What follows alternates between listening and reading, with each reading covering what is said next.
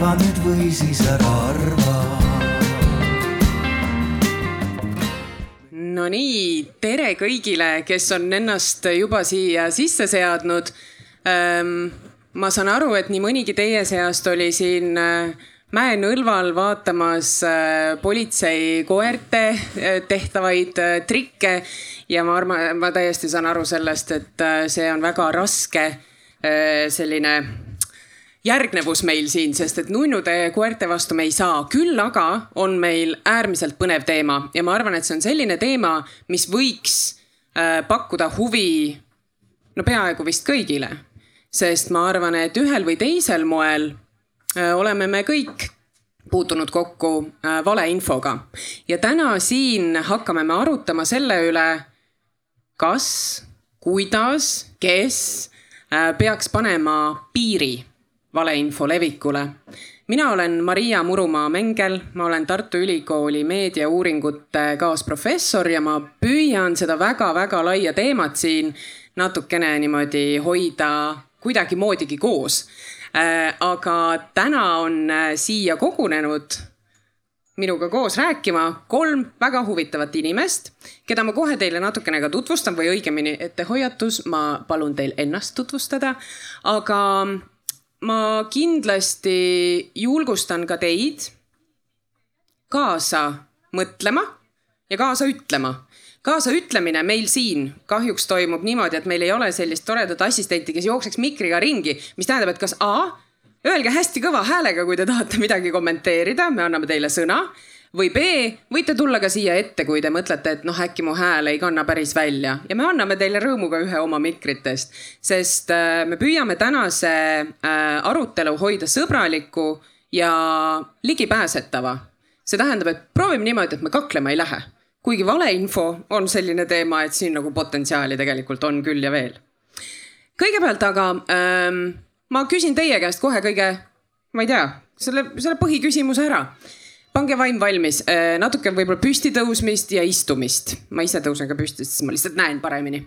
jääge istuma kõik need inimesed, kes arvavad, et valeinfo levikule piiri panemine on eelkõige platvormide teha.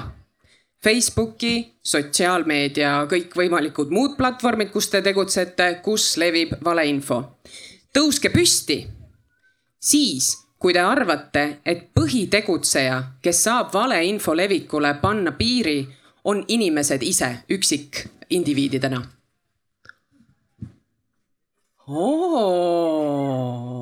agentsus, toimevõime, inimene, kes suudab asju muuta. ja siis oled sina kusjuures äh, Instagramis tehti äh, samasugune küsitlus, kus küll jah, istuma ja, ja, ja püsti seisma ei pidanud, aga seal tundus küll, et inimesed usuvad ikkagi, et platvormid saavad ja peavad tegema midagi. ma loodan, et me jõuame täna rääkida nii platvormidest kui inimestest, kui indiviididest, kui ka kindlasti riigist, noh, sellises abstraktsemas mõistes, aga ka konkreetsetest institutsioonidest me räägime kindlasti haridusest, koolidest, me räägime kindlasti politseist ja kõigest muust säärasest, äh, mis vähegi täna välja koorub. aga nüüd ma arvan, on õige hetk äh, teha kiire tutvustusring, et te kõik teaksite ka, kes meil siin on ähm,. ma annan sõna sealt alates, aga mul on selline väike knihv juures, et äh, ma olen väga tänulik, kui te oma tutvustusringis saate tuua välja ühe sellise juhtumi, kus te ise jagasite valeinfot, kas kogemata? Või meelega, ma ei tea, mis teie tööülesanded on, on ju, aga ma arvan, et see on hästi oluline tänases arutelus, et me laseksime lahti sellest iseenda eksiv, noh, selline mina, kõik teised teevad halvasti, aga mina, mina olen eksimatu. Sest näiteks mina olen kindlasti jaganud äh, valeinfot kogemata. Ähm, näiteks Twitteris infokillud, mis tulid sõja aktiivse faasi siis alguses. no sealt mul ikka jooksis päris palu, palju valeinfot kindlasti ka läbi. tunnistan täitsa ausalt, sest et see mass oli lihtsalt nii tohutu. Äh, samuti ei saa ma ju olla lõpuni kindel, et ma õppejõuna suudan alati ennast adekvaatselt selgitada, et inimesed saavad aru, mida ma mõtlen. nii näiteks on vandenõuteooriate analüüsi juures väga sageli see oht, et inimesed, kes lähevad seda analüüsima, hakkavad hoopis seda uskuma. Ja sedasi võib olla efekt, mille puhul ma võib-olla ei olegi veel teadlik üldse, äh, mis seal toimub. nii et tänase sellise arutelu loodetavasti üks äh, asi, mis me kaasa võtame siit, on see, et me mõtleme, kus me ise äh, teeme vigu, sest et eksimatud me kindlasti ei ole. aga Kaili, äkki sa tutvustad ennast? jaa äh,, tervist, äh, mina olen Kaili Malts, töötan äh, Ekspress Meedias äh, fakti kontrollimise ja valeinfo reporterina.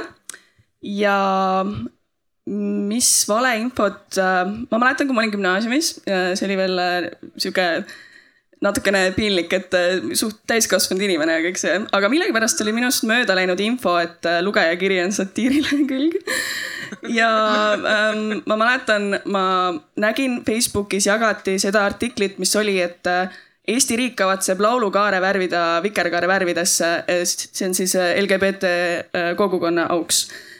Ja seda jagati Facebookis ja kommentaarid olid täiesti äh,, inimesed olid maruvihased, nad olid nagu nii kaugel, me olemegi selle liberaalse ühiskonnaga tulnud.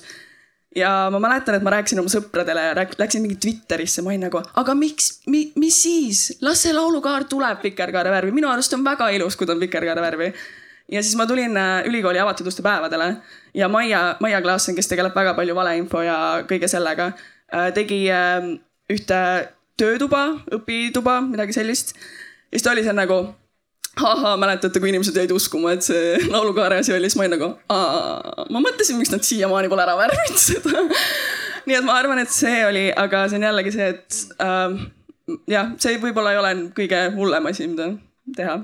sihuke süütu aitäh, see on, ma arvan, et seda inimesed ei taha endale tunnistada, et me ikka jääme neid onioneid ja kõike muud, oleneb sellest, milline teie meediadieet on. aga väike följeton ERR-is võib-olla ajab natukene segadusse või midagi muud sellist. Maarja Äh, tere, mina olen Maarja ja nii nagu Twitter ütleb, et siis ma olen politseinik, jalgpallur ja raamatunohik. et äh, äh, kolm asja, mis mulle väga meeldivad ja on südamelähedased. Aga minu võib-olla valeuudis, ma loodan, et ma ei tõmba siin kuidagi tuju alla, aga oli seesama eksitus, mis juhtus Delfis seoses sellega, et et tehti lugu, kuidas üks Vanemuise teatrinäitleja on surnud. Ja, ja kuna ma tean, et mul on sõpru, kes teda tundsid, kes temaga koos töötasid, siis ma tšiuh, saatsin, see oli vist Eurovisiooni lauluvõistluse ajal või, või no ühesõnaga mingi, mingi asi, Eesti Laul käis jah, ja, ja, ja siis ma saatsin sõpradele, et kuule, selline asi on juhtunud, et päris jama, eks ju. ja siis läks mingi paar minutit mööda, sest suht ruttu tuli välja, et kuulge, see ei ole ju see inimene. et, et selline näide, et noh, et, et surmakuulutus tundub või see surmateade tundub selline, et noh, see ei saa olla eksitus, noh, et selles suhtes, et aga oli ja, ja, ja ma jagasin ja, ja tõenäoliselt, kui see uuesti juhtub, ega ma, ma ei oska ka teistmoodi käituda, sest ega ma ei, ma ei usu, et ma järgmine kord ka mõtlen, et kui keegi teatatakse, et ta on ära surnud, et ma ootan viis minutit, et äkki keegi ikkagi lükkab ümber selle. aga võib-olla peaks, ma ei teagi mm. -hmm. jälle vist see oli Eesti üldist avalikkust väga raputanud äh, juhtum, millest ajakirjandusõppes saab veel pikalt-pikalt rääkida aga Andres, räägi, kuidas sina oled siis levitanud valeinfot? jah, Andres Lember minu nimi ja, ja olen sellise vabatahtlik äh, blogi nagu Propastop äh, üks asutajatest ja, ja moel või teisel seotud sellega siiamaani. muu taust on ka kakskümmend viis aastat meedia, kommunikatsiooni ja turundusvaldkonnas nii et infoga ja, ja, ja, ja info mõjudega tegelemisega on kogu mu elu olnud seotud. ma mõtlesin eile päris pikalt sellele, kui sa selle ülesande andsid. ja ma pean tunnistama, et ma olen, ma olen selline vastikult skeptiline tüüp ja, ja ma olen väga niru jagaja oma kontolt ühismeedias.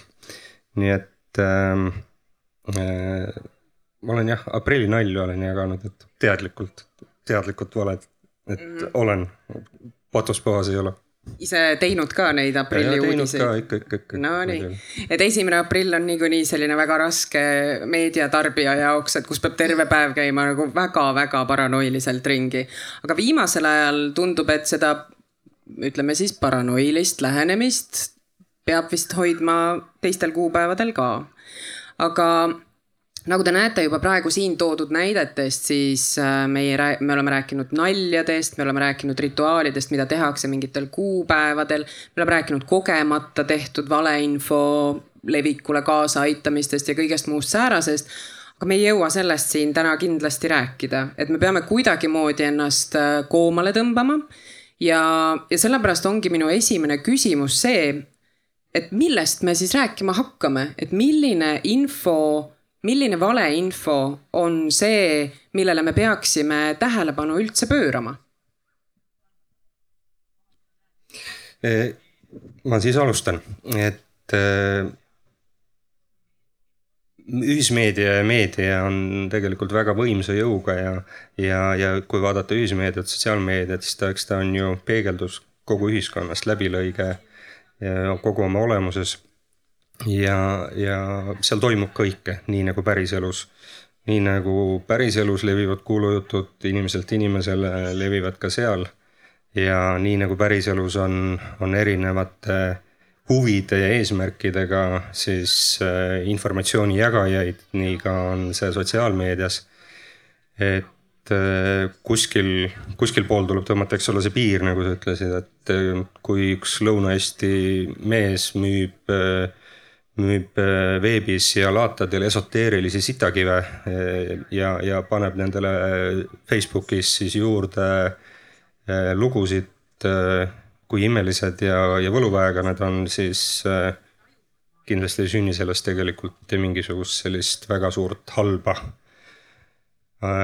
kui üks naaber teadlikult valetab teise naabri kohta, et Äh, naabrimees käib kolmanda naabri naise magamistoa akna taga piilumas ja ennast rahuldamas ja kodus peksab äh, naist ja, ja lapsi ja, ja tegeleb sellega siis sellise info jagamisega sotsiaalmeedias järjekindlalt, siis äh, siis läheb nagu halvemini juba, siis Maarja, sinu kolleegid kindlasti sekkuvad ja, ja tuleb kohus ja, ja, ja saab karistatud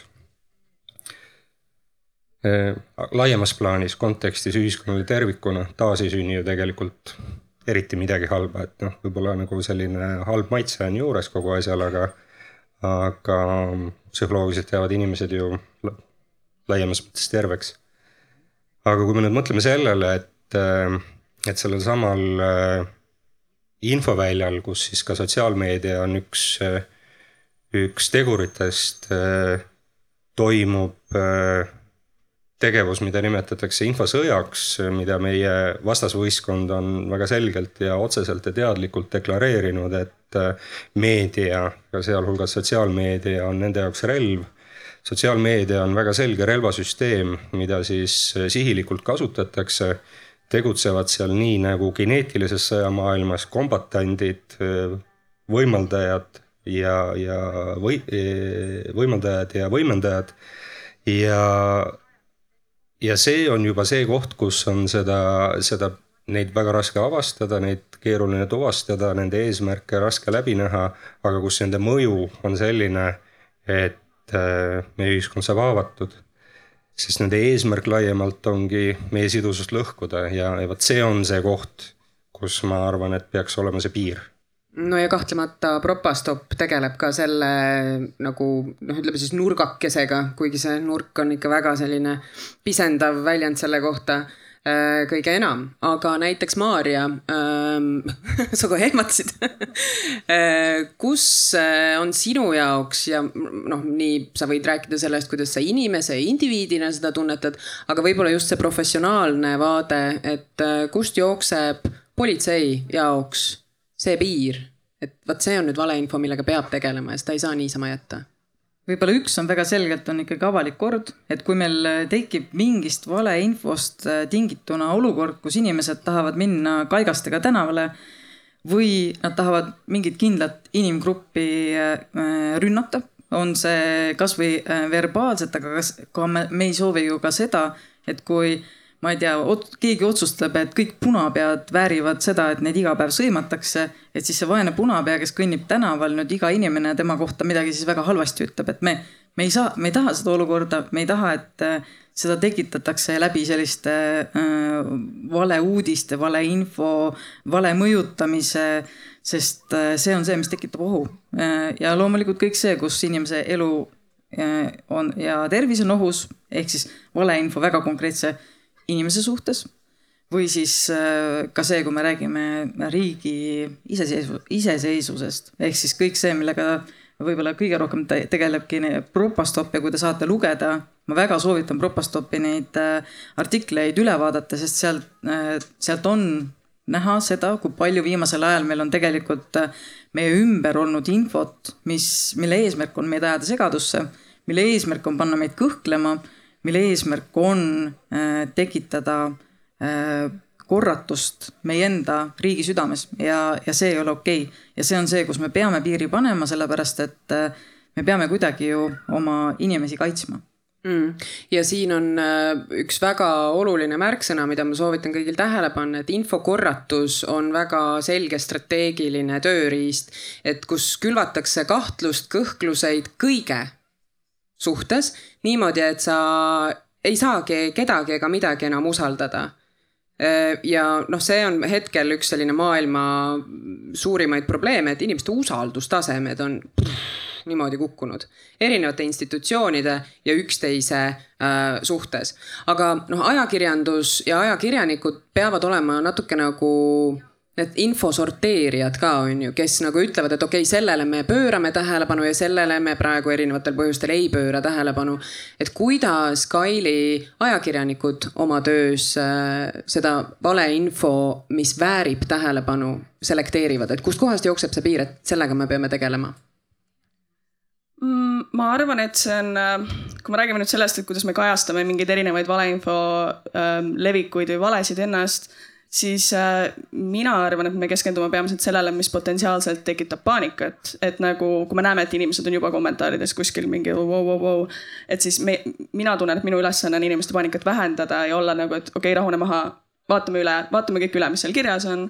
et kas sul on põhjust paanitsemiseks üleüldiselt praegu sõja ajal tasub ka tähele panna seda, et näiteks äh, mingitele trollidele, kes pidevalt käivad äh, jauramas mingit valeinfot, me pigem ei tahagi tähelepanu pöörata nii palju, et me oleme kajastanud näiteks äh, mingisuguseid inimesi, kes niimoodi stabiilselt postitavad videosi ja kõik see ja ütlevad, et valetatakse. et me kajastame oma ühe korra ära, aga kuskil jookseb piir, et me ei anna sulle seda platvormi, on ju. et äh, niikaua, kuni me ei tunne, et ta teeb midagi uut või mõtles midagi uut välja või on juba natukene nagu ohtlikumaks oma valedega läinud, siis me lõpet-, nagu siis me niikaua talle uuesti tähelepanu ei anna. et äh, ja ma arvan, et just see paanika vähendamine on minu jaoks südamelähedane mm. -hmm kas ma võin ühe lisada, mul läks täitsa endal meelest ära, et üks asi, millele me alati reageerime, on ka see, et kui valeinfo puudutab politsei tööd ehk siis ka usaldus riigi institutsiooni suhtes või ehk siis, et ka meie jaoks on oluline, et inimesed teaksid nagu kuidas politsei asju teeb, et noh, kui hakkab, ma ei tea, on libauudis selle kohta, kuidas või mitte libauudis, aga valeinfo selle kohta, kuidas ma ei tea, kuidas, mis see uudis oli, et politseinikud võtsid äh, vene peredest ära lapsi ja andsid äh, nagu neid lapsendada äh, geiperedele, eks ju äh,. mingid sellised uudised, et noh, ilmselgelt kuskil on midagi läinud väga-väga lappesse ja seal, seal pead, sa pead seisukoha välja ütlema. mis siis, et see tundub absurdne, aga see uudis on mõeldud väga konkreetse sihtrühma mõjutamiseks, temas viha tekitamiseks. ja meil on vaja selgitada, et politsei ei tee selliseid asju, lastekaitse ei tee selliseid asju, selliseid otsuseid ei tehta Eestis. Et äh, vastasel juhul me lihtsalt ei ei suuda pärast seda ära, ära lappida. Mhm, ma olen näinud ka ühte kätt seal. Eh, kas sa tuled siia mikrofoni juurde või räägid hästi kõva häälega ma ei tea, vaatame. kas see töötab? paneme tööle. kohe töötab. aitäh mulle väga meeldib see, et me räägime valeinfost ja kuna ma ise siin olen ka teinud valeinfo ja desinfo nagu aardejahti mängu, et ka see arutelu on seal sees, Rahvusraamatukogust olen mina, siis äh, ma tahaksin selle valeinfo kõrvale tuua sellise teema nagu valimatu tõe rääkimine. et, äh, et see on tegelikult valeinfo, mingis mõttes ta on loomulikult suur probleem, aga me teadvustame seda seda on võimalik ümber lükata ja, ja teha faktikontrolli, aga pigem mina arvan, et on probleemne see, kui inimese kohta, mitte see, et tema kohta valetatakse, sageli seda võib-olla inimesed ei võtagi nii südamesse.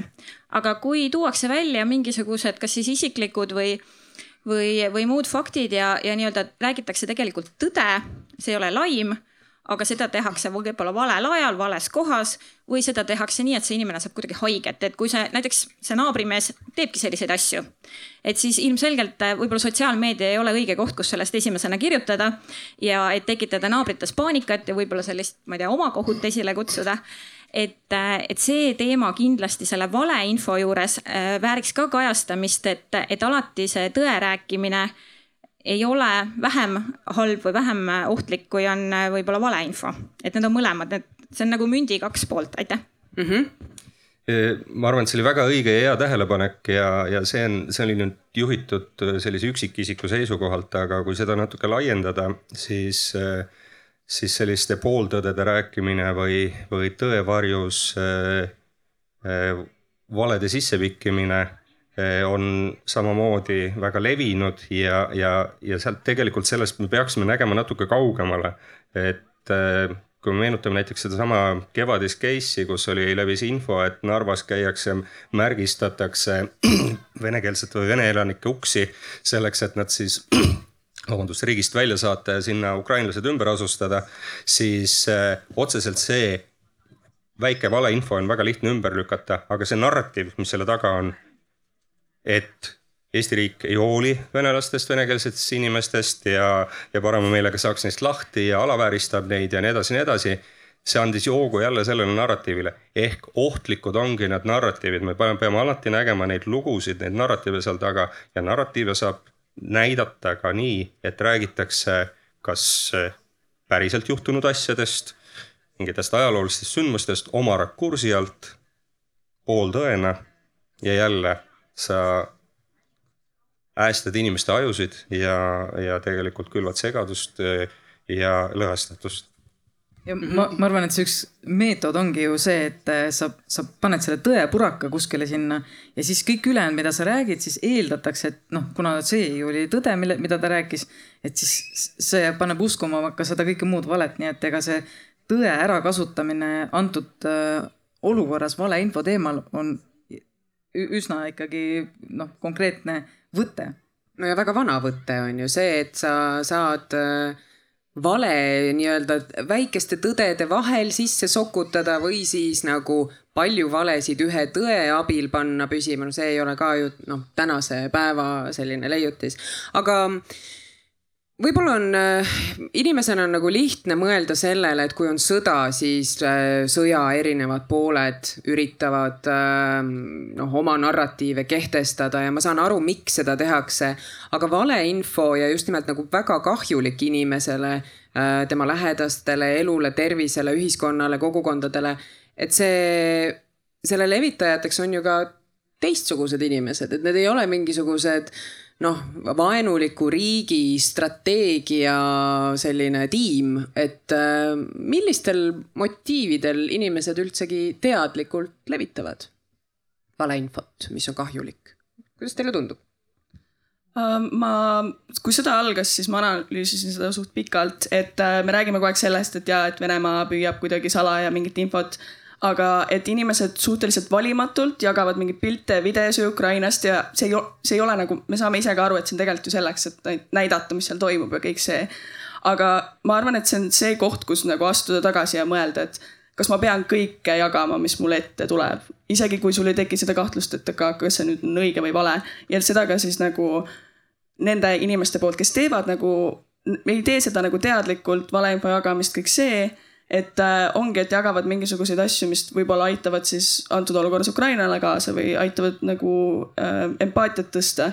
aga see ei ole siiski, see ei tee informatsiooni õigeks, et seda teeb nii-öelda õige osapool või nagu jah mm,. selle juurde me tuleme veel tagasi, aga millised motiivid veel võivad olla inimestel, kui nad hakkavad jagama valeinfot. valeinfo on sageli seksikam, et ta on lihtsalt nii ägedamalt äh, tehtud ja see, see tõde seal tegelikult taga on nii igav ja, ja nii pläss. ja siis sa mõtled, et see ülepaisutatud äh, seksikas lugu, mis tegelikult ei ole tõde, tundub nagu palju, palju huvitavam. et see on nagu meelelahutuslik äh, samm samamoodi, aga jällegi üks selles suhtes ohtlik asi, sest mida rohkem sa harjud edastama ju sellist äh, no ma ei tea, ülepaisutatud äh, väärinfot, siis seda lihtsamini sa lähed ka järgmine kord sedasama teed et meie ajudele meeldivad head lood on ju ja hea lugu on lihtne lugu, kus on võimalik mul aru saada, kes on halb ja kes on hea ja kuidas asjad toimivad. no päris maailm on hästi keeruline, kus ei saa isegi, ma ei tea, grupitööd tehtud on ju, ilma et läheks ilgeks vaidlemiseks ja inimesed saaksid era-. no nii just. ka saksakeelses meedias, et erinevates äh, erinevates keeleruumides, nii saksakeelses meedias kui ka äh, eestikeelses meedias äh, on üsna sarnased probleemid ja ma arvan, et see seksikuse mõiste siin äh, tähistas natuke midagi muud, see tähistas seda, et mõni lugu on hea, nagu mulle meeldib teda lugeda, sest ta on, ta tõmbab ligi, ta on selline hästi jutustatud ja siin on võib-olla siis see. ja proovime, aitäh tagasiside eest.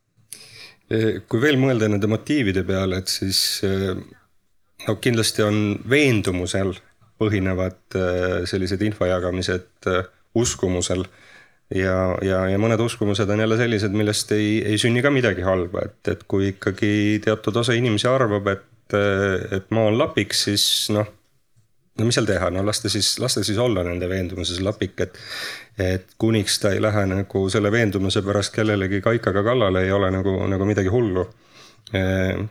Aga kui on veendumus selles, et, et torupuhastuseks mõeldud kemikaal on see, mis su tervisele on kõige, kõige parem ja, ja tugevam immuunsuse tõstja ja sa seda seal valimatult siis nagu promod, võib-olla ka selleks, et oma müüki edendada, siis, siis on jälle juba asi kurjem, et, et, et siis on nagu motiiv puhtalt äriline ja, ja tegelikult inimeste tervist kahjustab, eks ole ma ei tea, kas see motiiv on, aga, aga üks eh, edastamine on ka see, et inimeste oskus tarbida üldse meediat on eh, ei, ei ole võib-olla sellel tasemel, kus ta võiks olla.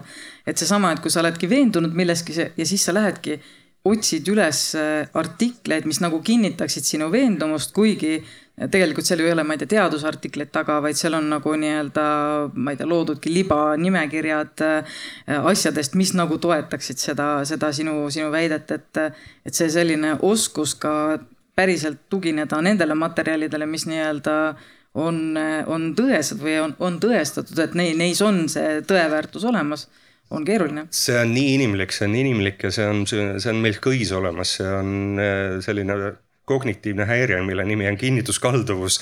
ja, ja ma usun, et teadustööde tegemisel on tegelikult täpselt sama probleem, et, et kui sa hakkad nagu oma siis väite tõestuseks otsima siis argumente ka teaduskirjandusest, siis sa nagu lööd ennast ise selle nii-öelda kanapimedusega ja sa, sa oled nagu kallutatud iseendas ja, ja sa leiadki lõpuks ainult neid väiteid, mis sinu teadusliku töö nii-öelda väidet tõestavad. haamer, nael on ju, saage tuttavaks, aga äh, ma arvan, et üks oluline moment võib-olla, mida välja tuua, on ka see, et äh, kuidas teadus töötab, sest et üks osa ähm, teadlaste suunal tehtud kriitikast äh, oli see, et no näiteks võtame siin suure tervisekriisi, on ju. et miks te ei räägi selgelt? miks te räägite üks päev ühte juttu ja teine päev teist juttu, mida te varjate? kuigi tegelikkuses ju teadus nagu protsessina ongi see, et noh, teadus ongi vaidlemine ja, ja pidev üksteise kontrollimine ja pidev üksteise väidete, üksteise poolt äh, loodud teooriate noh, kahtluse alla seadmine. ja minu meelest see peaks olema just julgustav, kui me näeme, et teadlased muudavad meelt uue probleemi analüüsi käigus. teine asi on võib-olla see, et, et ma olen sageli enda puhul märganud, et ma ise olen peadpidi meedia ja, ja ajakirjanduse ja auditooriumi uuringutes sees. et see tundub mulle nagu selline noh, tavapärane, et ma tean, kuidas meedia töötab. aga, aga kuidas see töötab, sest et kui inimene ei tööta ise meedias. miks ta peaks teadma, kuidas ajakirjanikud töötavad näiteks? Äh, Kaili, räägi meile sellest, kuidas äh, ja Propastopi kontekstis ma tahan ka seda küsida, kuidas fakti kontrollimine või fakti kontroll kui žanr üldse töötab? kuidas sa teed oma tööd? mm,? ma saan jah rääkida sellest, kuidas mina teen oma tööd, aga muidu välismaal on äh, faktikontrolli toimetused palju suuremad, süsteemid on ilmselt teistmoodi. aga mina olen siis nii-öelda ainukene faktikontrollija eesti keeles ja minu sihuke igapäevatöö näeb selline välja, et ma võtangi lahti äh, sotsiaalmeedia, mingisugused äh, võib-olla analüüsiprogrammid, mis näitavad, mis parasjagu levib, millest inimesed räägivad ja sel üldjuhul me teame, valeinfo saab rohkem tähelepanu kui õige info, sellepärast et see on, nagu sa ütlesid, seksikas um,. siis see, kus ma näen, et inimesed on koondunud, siis üldjuhul ma selle postituse juures ka hakkan vaatama, et esiteks ma vaatan, kes on postitanud uh,, siis ma vaatan, mis allikatele on toetatud ja kommentaarid, mida inimesed arvavad, sest selle põhjal ma näen kohe ära, kas mul üldse tasub nagu hakata uh, neid asju üle vaatama ja siis ma vaatangi üle need allikad, äh, kui sul on seal mingisugused äh, kahtlased teadustööd või äh, väljaanded, millele toetutud on, siis nagu sellega hakkan nende. aga asju... kuidas sa hindad seda? no mm. näiteks, kui ma mõtlen, et, et ma tahaks ka. ja, ja. Ja see on uh, allikkriitilisus, eks ole, et uh, kui sa näed, et on toetatud uh, väljaandele, siis sa guugeldad selle väljaande kohta. kas nad on varem faktide vastu eksinud, kas nad on väljendanud oma um, sellist noh, faktikontrollide puhul, et kas nad on kuidagi vandenõude äh, kiuste läinud äh, või midagi sellist, et äh, selleks on erinevad näiteks media bias leheküljed, mis näitavad ära, kas äh, väljaanne on korduvalt eksinud nende reeglite vastu, mis meil ajakirjanduses on, et on pool, poolikud mitte vastupidine, siis erapooletu äh, et äh, kõik see lihtsalt guugeldada, et kas ma saan usaldada seda, mis on nagu kõige lollikindlam asi ongi panna, ütleme, ma ei tea, Daily Mail ja is it trustworthy ja sul tuleb, sul tuleb kohe ära see et see on siis see allik-. ja kui väljaanne ise ütleb enda kohta öö, omaenda tutvustavas tekstis, et öö, me oleme kuulujutte edastav väljaanne, nagu nii mõnedki UK väljaanded on, no siis võiks ka ju mõelda, et noh, et see, see on äge meediasisu, mida tasub tarbida teatud prillidega ähm,. aga mõtlen, et kas on olnud äh, sellist vale nagu uudist, mida sa oled kontrollinud, et su sisetunne ütleb, et see on vale, aga sa ei leia ühtegi kinnitust sellele, aga sisetunne ütleb, et noh, see peab olema vale. kuna minu töö on teha ähm, inimestele nii võimalikult mustvalgelt selgeks, kus see vale peitub ja kõik see, siis tihtipeale tõesti äh, on kõige levinum metoodika, kuidas nagu valesid levitada, on see, kus on võetud õiged faktid, korrektsed allikad ähm,. isegi, ma ei tea, mingite teadlaste, nagu tuntud teadlaste sõnavõtte, midagi sellist. Nad on pandud kõik kokku ja tehtud totaalselt valed järeldused, nii et kogu see postitus on nagu, see on kõige keerulisem minu töö juures, sest ma ei saa nagu ma ei saa lihtsalt midagi ümber lükata, ma saan ainult ja ma saan ainult öelda, et ei, see ei ole niimoodi, aga nagu see on, see on see, mis nõuab kõige rohkem tööd minu töö juures. et kõige hilisem näide on see, kus äh, Irja Lutsar oli äh, äh, meditsiiniteaduste valdkonna mingisugusel konverentsil, rääkis ja ta rääkis väga pikalt ja sealt võeti siis kaheminutiline koht, kus ta siis ütles midagi sellist, et maskid ikkagi ei olnud tõhusad või midagi sellist. see läks superlendu, inimesed olid nagu ahaa ja ma ei saa öelda, et see video on vale, sest Irja Lutsar tõesti ütles seda seal, aga nagu see kontekst, et äh, see on jah, kõige selline, et see on õige aga see on vale mm,. aga noh, meie tänane meedia ja mitte ainult meediamaailm ja üldse meie maailm on väga kiirustav, on ju, et kellel on aega seda kahetunnist või pooletunnistki äh, väga keerulises äh, noh, ma eeldan, et teaduskonverents on selline väga spetsiifiline žanr, et, et see on raske olukord, kus olla. aga Andres, anna meile veel nippe no, selliste tarkade meediatarbijatena, et kuidas siis seda faktikontrolli ja, ja tõenduspõhisust välja selekteerida, kuidas see käib? ma võib-olla alustaks natuke kaugemalt, et, et mul ikka aeg-ajalt lööb välja see vana ajalehetoimetaja veri ja, ja siis toimetuses oli meil selline ütlus ikkagi üsna tihti levis, et näed, et allika väite kontroll teisest allikast rikkus hea loo ära et mis, mis tuletab tegelikult meelde seda, et, et selline hea ajakirjandustava on see, et sa, sa kontrollid oma teadasaadu infokillu alati üle mitmest allikast, vähemalt kahest, kui mitte rohkemast. Ja, ja, ja kui sellel on olemas ka vastaspool sellele, sellele väitele, siis annad ka sellele vastaspoolele alati sõna ja sa ei avalda seda ilma vastaspoole nii-öelda kommentaari või, või, või vastaslau-, vastulauset juhul, kui see ei ole mingil põhjusel noh, täiesti vältimatult vajalik, on ju. et võib-olla ka selliseid juhuseid et, et kui vaadata nagu mitte sotsiaalmeediat, vaid ka tänast, tänast nii-öelda päris äh, meediat, äh, ajakirjandust, siis, äh, siis noh, tihtipeale me kohtleme nagu seda, et, et ongi sellised ühe allika kiired sutsud esimese kätte saadud info põhjalt lartsatatakse veebi, sellepärast et ongi vaja olla kiirem, on vaja olla esimene ja, ja noh, hiljem see pilt, kui sa vaatad, et noh, pannakse juurde, et lugu on täiendamisel on ju, et noh ja siis sa näed, et see täiendamisel see pilt nagu muutub hoopis millekski muuks, et noh, ka see on tegelikult teadlik valeinfo levitamine võib-olla, et, et päris ajalehetoimetuse poolt.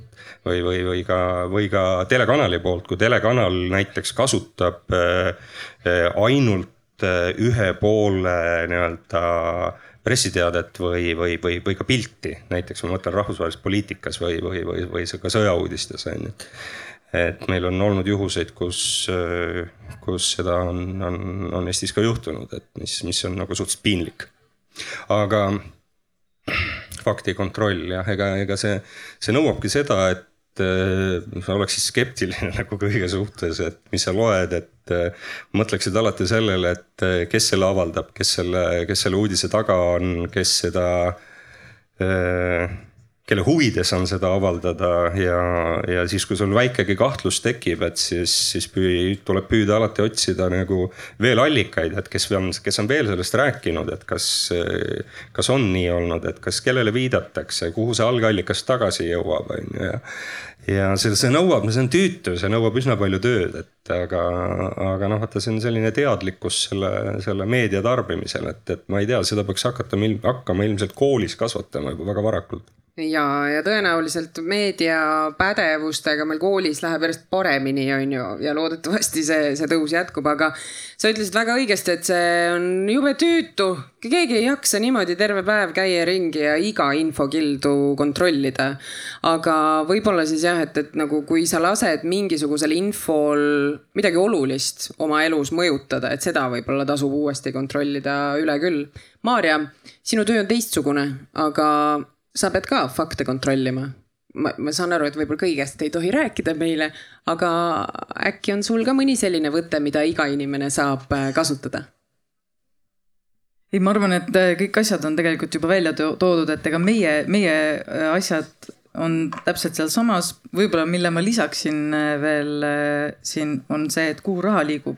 et ka politsei peab uurima, et kes saab sellest lõpuks siis majanduslikult kasu, et ta valeinfot jagab, sest äh, kõikide, kui me räägime nende ebateaduste teemadel, siis, siis seal on väga selgelt ikkagi isiklik ja majanduslik kasu ju taga.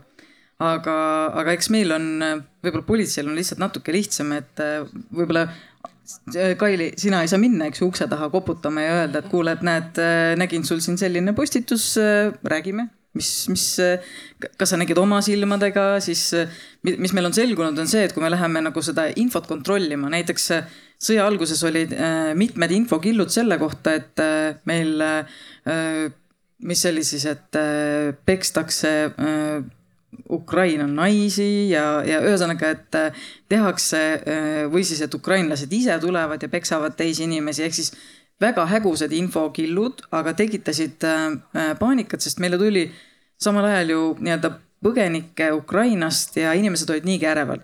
Ja meie asi oligi see, et mit, mitte ainult lihtsalt nii-öelda vaadata seda postitust, vaid minna sinna sisse, minna selle inimese juurde, koputada uksele ja öelda, et kuule, tead, nägime sellist postitust, kas saad täpsemalt rääkida ja mis juhtus, oli see, et näiteks siis inimene ütleski, et aa ei, tegelikult ega see minuga ei juhtunudki, ma nägin seda kuskil umbes no äh, selle, selle X lehe tolle kuskile kommentaari alla, keegi oli selle mingi näitena toonud ja, ja ma arvasin, et see on oluline info, mida edasi jagada.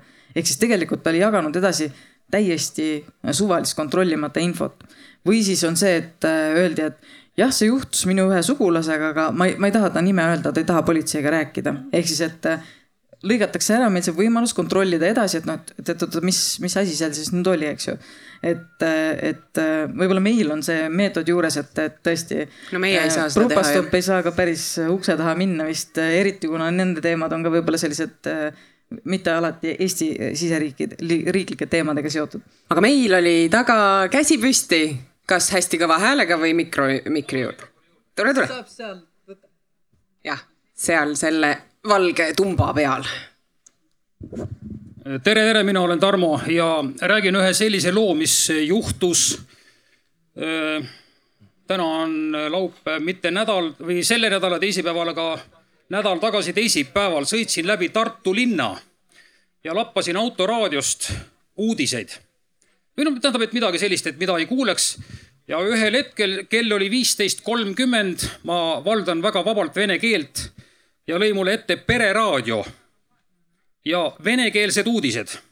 pereraadio, nii nagu ma tean, vist on kas kristlik raadio. ja algas see uudislõik selliste sõnadega, ma tõlgin vene keelest eesti keelde praegult nii nagu ta oli. Donbassist vabastatud piirkonna lapsed sõitsid Moskvasse. mis see Püha Peetrus Kirill seal on neil?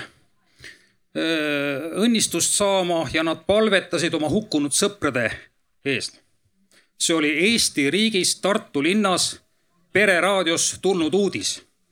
Donbassi vabastatud piirkonna lapsed sõitsid Moskvasse Kirillilt õnnistust saama. see on, see on noh, ma ei tea, meil siin ei kuule Pereraadiot, see on Tallinn vist Tartu, sellepärast ma rohkem ei tea, aga see oli fantastiline, mul jäi suu lahti mm. -hmm ma kuulsin seda täpselt Lõunakeskuse kohas, kus on see tupiku seisukord Tartu linnas, kes on sõitnud mm. -hmm. kelle rida selline asi on? see on väga hea näide, sest ma juba nägin, Kailil läksid silmad põlema, et mm. -hmm. seda peaks nüüd kindlasti usun, kontrollima, onju. ma usun, et need uudised on ju kõik, kas raadios ei ole mitte kohustus salvestada ja. mingi teatud nädala ja. jooksul. ja võib-olla neid on iga päev viisteist kolmkümmend venekeelsed uudised mm. -hmm see on Väga... mõtlemapanev kindlasti sellepärast, et ma olen kindel, et see sõnade valik, kuidas mingisugustest asjadest räägitakse, et me räägime tegelikult asjadest, mis on toimunud, mis on nagu faktiliselt tõendatavad, aga see, kuidas sellest räägitakse, võib sageli olla no väga ekstreemsest kuni siis teatud variatsioonideni. meediapädevuse juures on muidugi hästi oluline märgatagi neid hinnangulisi sõnu, mida me uudiste juures loeme et, et see on see esimene selline kaitsekilp, mida õpetatakse ka noortele koolis.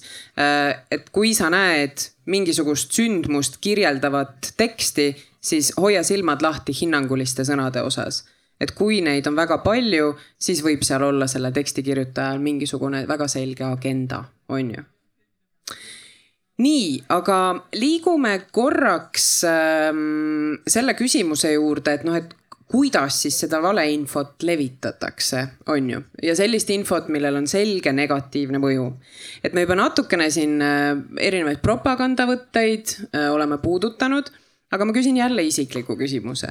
propagandavõtteid on hästi palju, on sildistamist, on äh, lihtsa talupoja mõistuse, on suur vale, on väike vale, on ilusad inimesed, noh, mis iganes.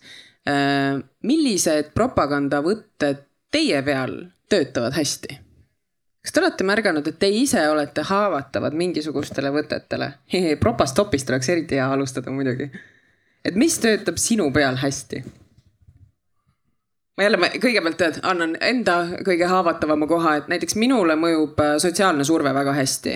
et kui minu jaoks olulised inimesed kuidagi midagi teevad, äh, kutsuvad üles millegagi liituma, midagi tegema, siis ma pean väga-väga jälgima, et mis asi see on, sest et minu esimene instinkt on karjaloomana nagu jaa, lähme teeme koos asju ma, ma arvan, et mul on midagi sarnast, et mitte päris karjaloomana, aga, aga inimesed, kes on minu jaoks olnud eh, mingis mõttes nagu autoriteedid, et, et kes on, kes on ennast tõestanud ja kinnitanud, et nad on eh, targad ja toredad inimesed, ajavad eh, tarka juttu, siis kui see tark inimene ühtäkki lolliks pöörab, siis võib ära eksitada küll mingil hetkel. maine laenamine on ju, et, et yeah, nagu yeah kui sinu jaoks ja. ühel hetkel mingis valdkonnas oluline inimene ütleb ja. nagu midagi muud, siis esimene instinkt on ikka uskuda. ja ei, mul on nagu jah, see, kui mõelda nagu sellist isiklikku valusat kogemust, siis mul on nagu ühe lauljaga see seotud, keda, keda ma väga, kellest ma väga kunagi lugu pidasin. mis on teie selline ohukoht, ma, ärge kasutage seda kurjasti pärast ära, onju. Aga... mina, mina üks päev avastasin näiteks selle, et kuna ma väga palju äh, nii oma töö kui ka isikliku huvi tõttu, ma jälgin neid Ukraina. jaa, Ukraina uudiseid jälgin ühesõnaga ja, ja kui tuli uudis selle kohta, kui rumalalt käitub Venemaa sõjavägi, nagu selles suhtes, et nagu kui rumalad nad on, nagu mitte selles suhtes, et nad teeksid midagi lollisti, vaid nagu no tõesti, et seal olid need äh, täispuhutud äh, raketi mingid maketid, et hirmutada inimesi. Ja siis seda levitati äh, sõnumiga, et, äh, et näed, et Venemaal ei ole enam mitte midagi, neil on ainult täispuhutavad need jullad seal taustaks, mis võbelevad tuule käes. Ja siis samal ajal see kindral annab seal nagu intervjuud ja ütleb, et ja meil on kõik maru korras, siis ma mõtlesin, oh kurat, seda, seda uudist tahaks täiega jagada, eks ju.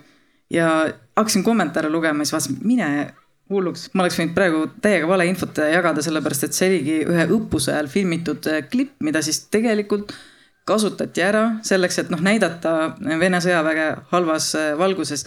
ja, ja mul ikkagi kihvatas korra, mõtlesin, et ah, ma võin nagu, et äkki ma jagan, et noh, et, et noh, selles suhtes, et, et et sest see, mida Venemaa teeb, ma ei ole selle poolt, mul on sellest nii kahju, mida nad teevad äh, ja, ja nagu tahaks ju kuidagi nagu aidata neid ukrainlasi, aga loomulikult ma ei jaganud seda edasi, aga ma tean, et mul see endal see eetiline võitlus sees käis. et see, see oli hea, see oli sihuke väga hea naeruvääristav tekst, onju. Aga mitte tõde et seda päriselt ei juhtunud, see väike ebamugav asi. Kaili, mis sinu puhul töötab? Ma arvan, et äh, ka sarnane teile kahele see eeskuju, et uh, ma arvan, Maria, kui sina postitaks midagi väga suurt ja radikaalset oma Facebookis, ma oleks kohe oh, oh. aga no pressure. ja, äh, ja sest kui koroona algas ja ma olin ülikoolis, siis meil on Messengeris grupi chat nagu tudengitega ja siis inimestega, kes olid praktiseerivad ajakirjanikud juba too aeg. ja siis oli see fenomenaalne uudis, et äh, ta, Tallinn pannakse kinni ja Jüri Ratas kellelegi sõnumeid saatmas, et joo, joo, joo, me siin otsustasime. et äh, see on niivõrd absurdne tagasi vaadates, aga ma saatsin selle, ma olin ise Tartus too aeg ja ma mõtlesin pikalt, et ma lähen Tallinnasse ja siis äh, ma saatsin selle sinnasamma grupi chati ja kui sulle inimesed, kes nagu sa vaatad alt üles ja vaatad, et nemad on need, kes nagu need, kelleks mina tahan saada, ütlevad, et see võib tõsi olla, siis minu jaoks see oli nagu automaatselt, ma ei pea rohkem midagi kontrollima. muidugi tagantjärele mõeldes oli täiesti lollakas. aga ja, ja nagu emotsionaalsusele surumine ka veits et ähm, nüüd sõja ajal Tiktokis on näiteks videosi, kus mingi, üks video oli, kus laps kõndis nuttes ja siis pealkiri oli, et ja, et Äh, vanemad umbes saatsid ta Poola piirile, ise jäid sinna. Ja siis minu jaoks, mul oli kohe nagu waterworks. aga siis tegelikult tuli välja, et lihtsalt vanemad kõndsid nagu mingi meeter kaks eespool. Et tegelikult ei olnud midagi hullu, aga samas jah, see on nagu, ma jäin automaatselt uskuma, sest see kõlab nagu loogiline stsenaarium ja, ja sõjaga seoses mul tuli meelde äh, eile ühes paneelis ma kuulsin seda, kuidas räägiti, et äh, üks inimõiguste organisatsiooni inimene Ukrainas on vallandatud sellepärast, et ta paisutas üle vägistatud naiste numbreid ja vägistatud, tapetud naiste numbreid ja nii edasi, et. et ma tean, et ma ise lugesin ka neid uudiseid ja, ja ma tean, et need nagu kohutasid mind. ma ei jaganud neid edasi, sest mulle tundub, et see on see asi, mida ei peaks, see on üks osa sõjast, aga lihtsalt mulle tundub, et kui ma enda platvormil jagan nii negatiivsed uudised, et siis lihtsalt minu enda sõbrad saavad traumeeritud, et ma olen otsustanud mitte jagada. aga, aga ma tean, et et mina uskusin, et see võib nii halb olla, see võibki olla, aga, aga noh, on tõestatud, et ta tegelikult pani, pani juurde mm. -hmm. ehk siis me jõuame selle teema juurde, et äh, kas Ukraina ja Venemaa Lähme hästi konkreetseks, on ju, võtame ühe näite, meil tuli hea taustamuusika muidugi siia, mis võib-olla rahustab meid. aga kas Ukraina ja Venemaa kasutavad äh, samu võtteid ja kuidas siis üksteisest parem on? kui me räägime propagandast ja heidutavast info jagamisest ja kõigest muust säärasest? infosõda on päris sõja normaalne osa selles suhtes, et ja mõlemad pooled kasutavad seda enda osas ära ja mõlema poole suus äh, puhul tuleb tegelikult teha faktikontrolli, et, et, et see, kui sa usud, et äh, kellelegi tehakse liiga, see ei tähenda seda, et alati räägib ka äh, tõtt või ei kasuta ära neid samu võtteid ega see on mõnes mõttes natuke paralleel ka politseitööga, et mitte see, et me alati peame kahtlustama, et kannatanu valetab, aga võib-olla kas ta mäletab asju valesti või ta tahab, et need asjad oleksid olnud nagu natukene teistmoodi ja, ja, ja hakkab ise seda uskuma. ehk siis, et äh, ülekontrollimine kõikide osapoolte fakte peaks olema nii-öelda sellise kõrvalvaataja normaalne osa sõjaline pete on täiesti tavaline asi, mis toimub siis kõikides sõjategevuse osades, sealhulgas nagu inforuumis. sõjalise pette jaoks on ka need toredad kummiraketid, et tegelikult need pannakse ülesse jätmaks muljet, et meid on rohkem, eks siis teatavate lennuvahendite vaatluse pealt nad ei ole lihtsalt eristatavad tavalistest õigetest, et et Eh, loomulikult kasutatakse ja väga palju kasutatakse eh, nii taktikalisel eesmärgil eh, mingite taktikaliste operatsioonide toetuseks kui ka suuremate strateegiliste sõnumite edastamiseks. kui nüüd mõelda seda, et sa küsisid, et kes on paremini hakkama saanud, et noh, jube raske öelda ja, ja see on nagu võib-olla natuke ka selline õunte ja pirnide võrdlemine, et et, noh, aga kui nagu selliste puhtalt nagu enda tunnetuse pealt öelda, siis, siis noh, mina ütleksin, et Venemaa saab väga hästi hakkama oma elanike suunas äh, tehtavate infooperatsioonidega, et jätkuvasti ja, ja noh, nad on ikkagi pikalt praktiseerinud ka seda ja, ja seal see pinnas on väga soodne. ja, ja Ukraina tegelikult saab äh, väga hästi hakkama sellega, mis puudutab siis läänemaailma informeerimist äh, enda huvidest lähtuvalt mm. -hmm. aga võtted on samad?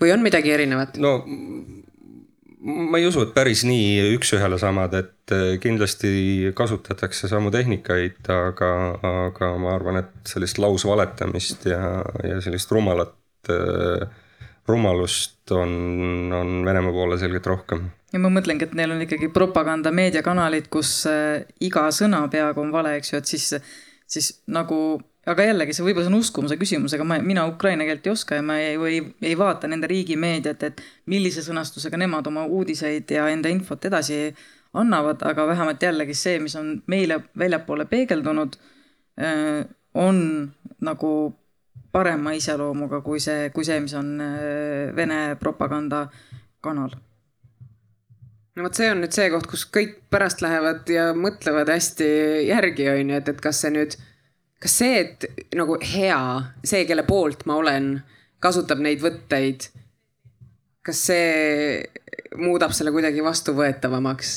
ja loomulikult väga paljud inimesed ütlevad, et jaa, sest et sõdade puhul sa peadki poole ära valima ja sa peadki olema kellegi poolt ja toetama nende kommunikatsiooni paljud ütlevad siiski, et on olemas selline nagu objektiivne tõe ihalus on ju, et, et me peame ikkagi nagu faktid välja selgitama ja sellest lähtuma oma nagu maailma ülesehitamisel.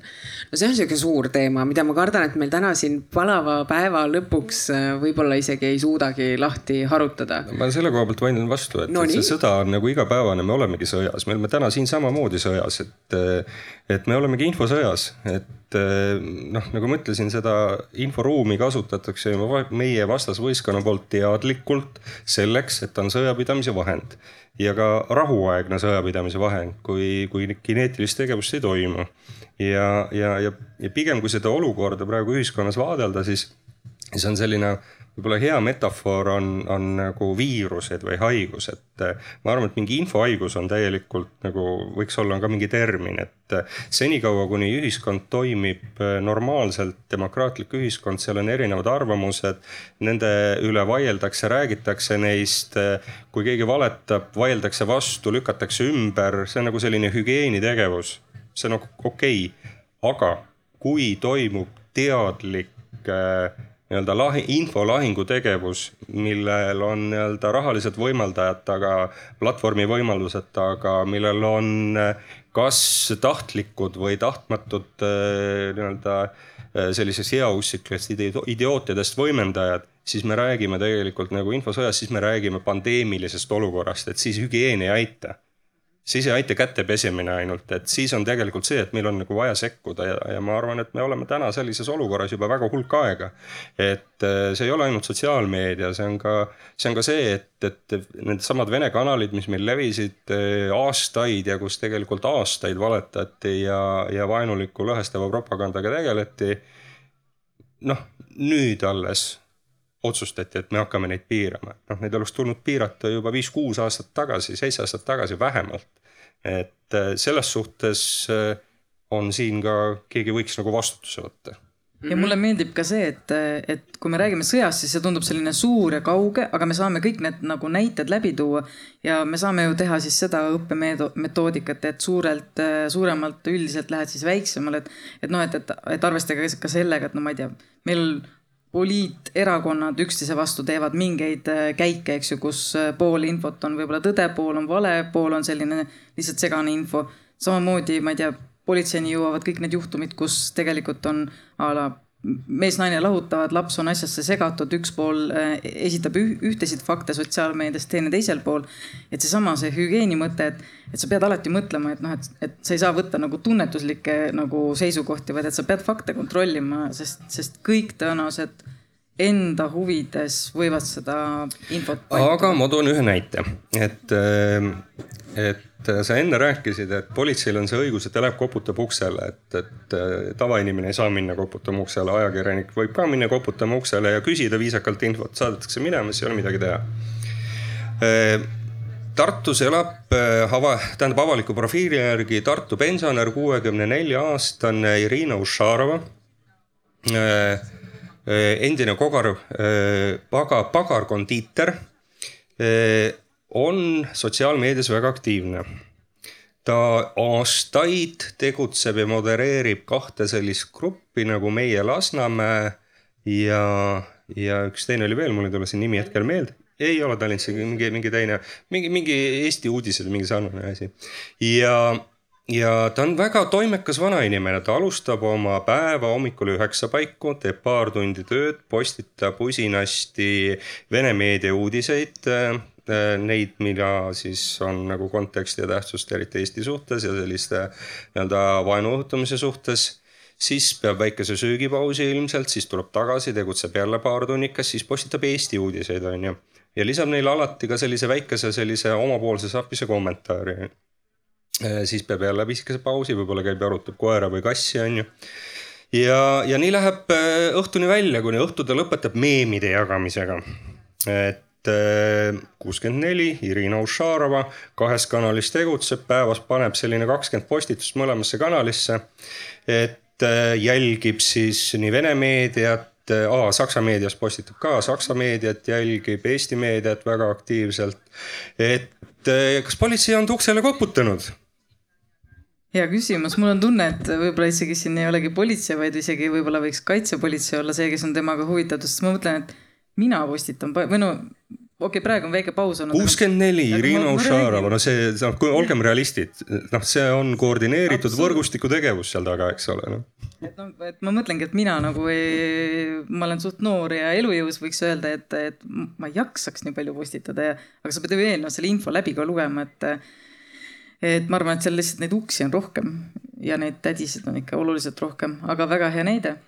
Kuulge, me jõuamegi nüüd vaikselt selle kõige tähtsama asja juurde, et kes siis peab piiri panema, et äh, meil on äh, sa rääkisid juba telekanalitest, et äh, võiks noh, robustselt väga niimoodi noh, siukse mustvalgega, et paneme kinni ja siis väheneb. kas see on niimoodi, et kui me paneme telekanalite ligipääsetavuse kinni siis äh, propaganda, vaenulik propaganda nagu kohe levib kehvemini või? me peame nad tõesti kinni panema, praegu nad ei ole kinni, praegu on jälle mängitud, et nad on kinni, et me paneme nagu niimoodi, et noh, siis me ise ei näe, on ju, aga noh, me teame, et tegelikult nad vaatavad kõik üle VPN-ide ja üle nende muude antennide, satantennide seda edasi.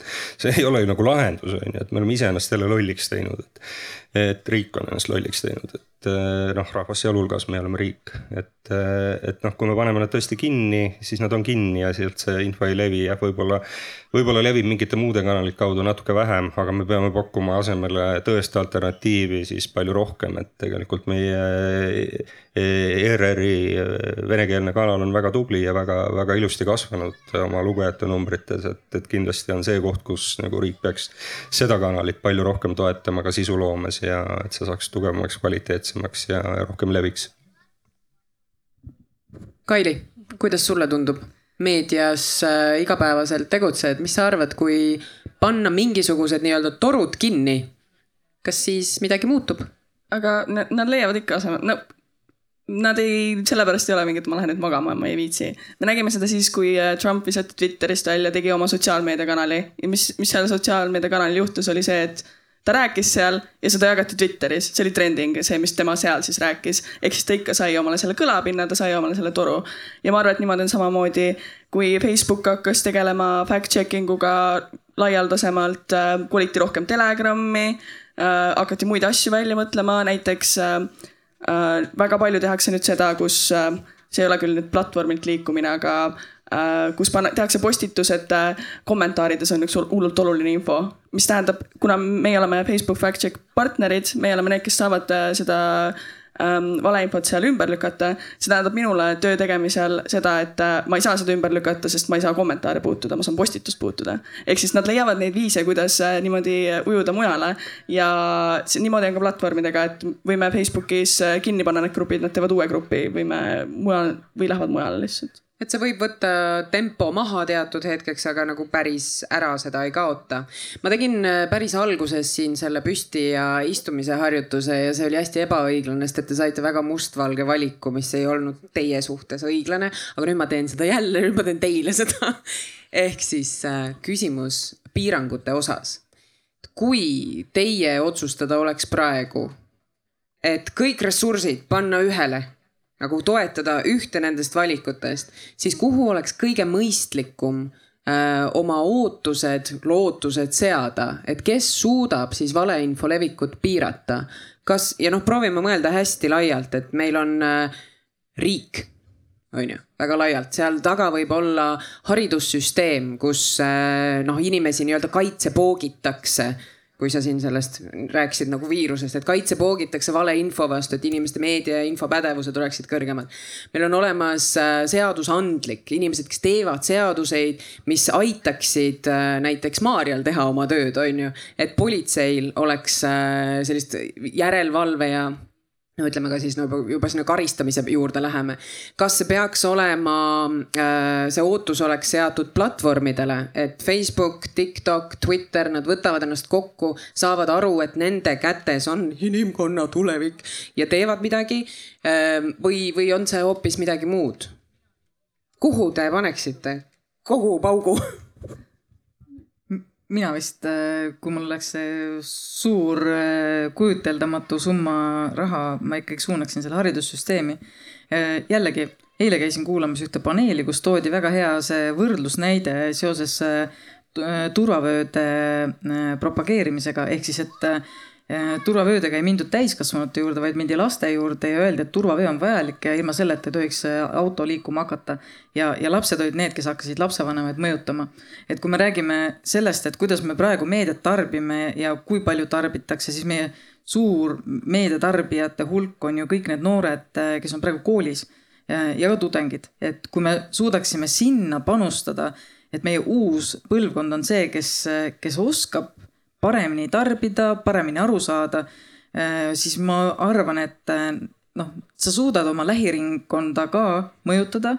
Eesti on nii väike, et kui neid, neid lähiringkondi on lihtsalt nii palju, siis tekivad kattuvused ja inimesed äkki nagu ehk saavad paremini aru, kas, kasvõi noh, ma ei tea, seesama näide nagu, nagu sa rääkisid, et see lugejakiri, et mina olen politseis pidanud väga palju vastama nende lugejakirja lu-, väga headele naljadele, aga mida inimesed usuvad ja nad on väga ehmatunud, eks ju, ma ei tea, kõik kõik need, kõik need naljad, et, et see, et kui sul on Škoda, et siis politsei maksab sulle lisapappi selle eest, kui sa sellega ringi sõidad, eks ju. inimesed saatsid meile autopilte, ütlesid, kas see Škoda sobib ka. et, et, et no selles suhtes, et see tundub naljakas, aga, aga jällegi, et meedia tarbimise mõttes oleks ju tore, kui inimesed nagu teaksid, et kus meil on see naljahuumorimeedia, et kuidas sa sellest aru saad või et noh, mine pealehele, vaata, millega on tegemist või noh. mulle tundub, et kui me panustame siia oleks minu vastus mm. -hmm. Kaili? Äh, mina olen ka hästi suur hariduse usku, et mina, ma arvan, et kõik saab alguse juure tasandilt, ehk siis ongi, ma paneks ka ilmselt raha haridusse äh, kui mul ei oleks nii äh, kitsas valik või see, et ma saan ainult ühe, siis ma olen ka väga suur selle usku, et inimesi vastutusele võtta ja päriselt teha mingi süsteem, kus meil ongi, et et äh, noh, me ilmselt jõuame sellest veidi rääkida ka, aga äh, et kui äh, näiteks USA-s Alex Jones'iga, et kui ikkagi sinu teadlik valeinfo süs süstemaatiline levik on kellelegi ähm, kuidagi kurja tegev, siis sind võetakse vastutusele, et sa ei saa niisama käia ja äh, laulda ükskõik mis laulu, et see ei käi, käi päris niimoodi. Taustainfoks igaks juhuks, et Alex Jones on siis USA-s üsna kuulus äh, vandenõuteoreetik, kes on äh, noh, miljoneid, miljoneid, miljoneid äh, kogunud sellega, et äh, ta on äh, erinevates formaatides ähm, noh, hüpanud niimoodi nagu külge erinevatele aktuaalsetele teemadele ja Infowars on siis tema selline nagu platvormi nimi, aga nüüd on temalt välja mõistetud kohtus no vist oli üle mitu miljonit ja tõenäoliselt sealt tuleb veel ja veel ja veel. kas seal oli kuidagi nii, et neli mõisteti juba välja, nelikümmend kaks on veel mõistetamas või mingi, mingi? suured summad äh, mõisteti välja siis äh, Sandy Hooki massitulistamises hukkunud äh, lapsevanematele ja Alex Jones siis äh, väga mitmel moel äh, väljendas siis kahtlust, et kas see päriselt üldse toimus, et see, need olid näitlejad ja nii edasi, mille tulemusena hakkasid päris ohvrite perekonnad saama no rõvedat sõimu ja ahistamist veebi kaudu peamiselt, aga nagu te teate, siis noh, veeb ja päriselu ei ole nagu kaks eraldiseisvat asja, need on ikkagi vägagi koos. Ehm, et lihtsalt sihuke kiire, kiire ülevaade on ju. Ehm, Kaili, kas äh, kas meil on oma Alex Jones'id olemas, keda, kellega, sa ei pea nimesid ütlema, aga kas meil on need inimesed olemas, kelle, kelle puhul oleks nüüd kohe vaja midagi sarnast teha?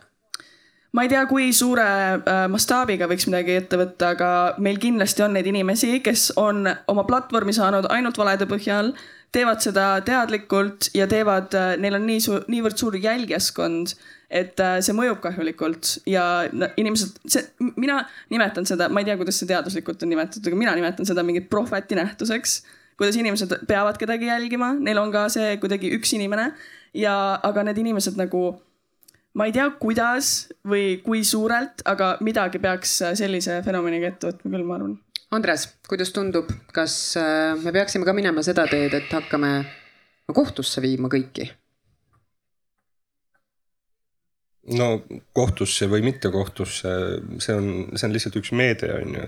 aga kui vaja, siis kohtusse, kui, kui saab teistmoodi, siis tuleb teistmoodi, et aga, aga selle juurküsimuse juurde tagasi, et, et kes siis nagu peaks tegelema, et ma arvan, et siin ei ole tegelikult midagi arutada, et, et riik on otsustanud selle ju, kes peaks tegelema, et meil on olemas sõnastatud selline nagu laia riigikaitse alused, põhimõtted ja tegevused ja seal on ühe olulise valdkonnani nimetatud strateegilist kommunikatsiooni. Kunagi varem oli see nimetatud psühholoogiliseks kaitseks, ma ei tea, millegipärast mõeldi, et ilmselt, et võib-olla see tundub mõnele inimesele äkki natuke hirmutav, et siis nimetati nagu keerulisema nimega, on ju. et eh, riik on öelnud, et see on ju riigi vastutus, et meie inimestel oleks psühholoogiline kaitse olemas ja, ja, ja keegi meid eh, vaimselt ei terroriseeriks. et Eh, selleks peab siis nagu riik looma ka muud võimalused, seadusandliku ruumi sellise, et eh, saab neid vastutusele võtta. hariduse sellise, et inimesed eh, saaksid juba varases koolipõlves piisavalt nutikateks ja immuunseteks ja nii edasi ja nii edasi, et see on nagu üks tervik, et sa ikkagi ütlesid, et kõik on olulised. ei, aga see, aga see ongi kõik oluline, et, et noh, riik, see olemegi ju meie, et noh, et, et me peame nagu ise sellele igapäevaselt tähelepanu pöörama, on ju.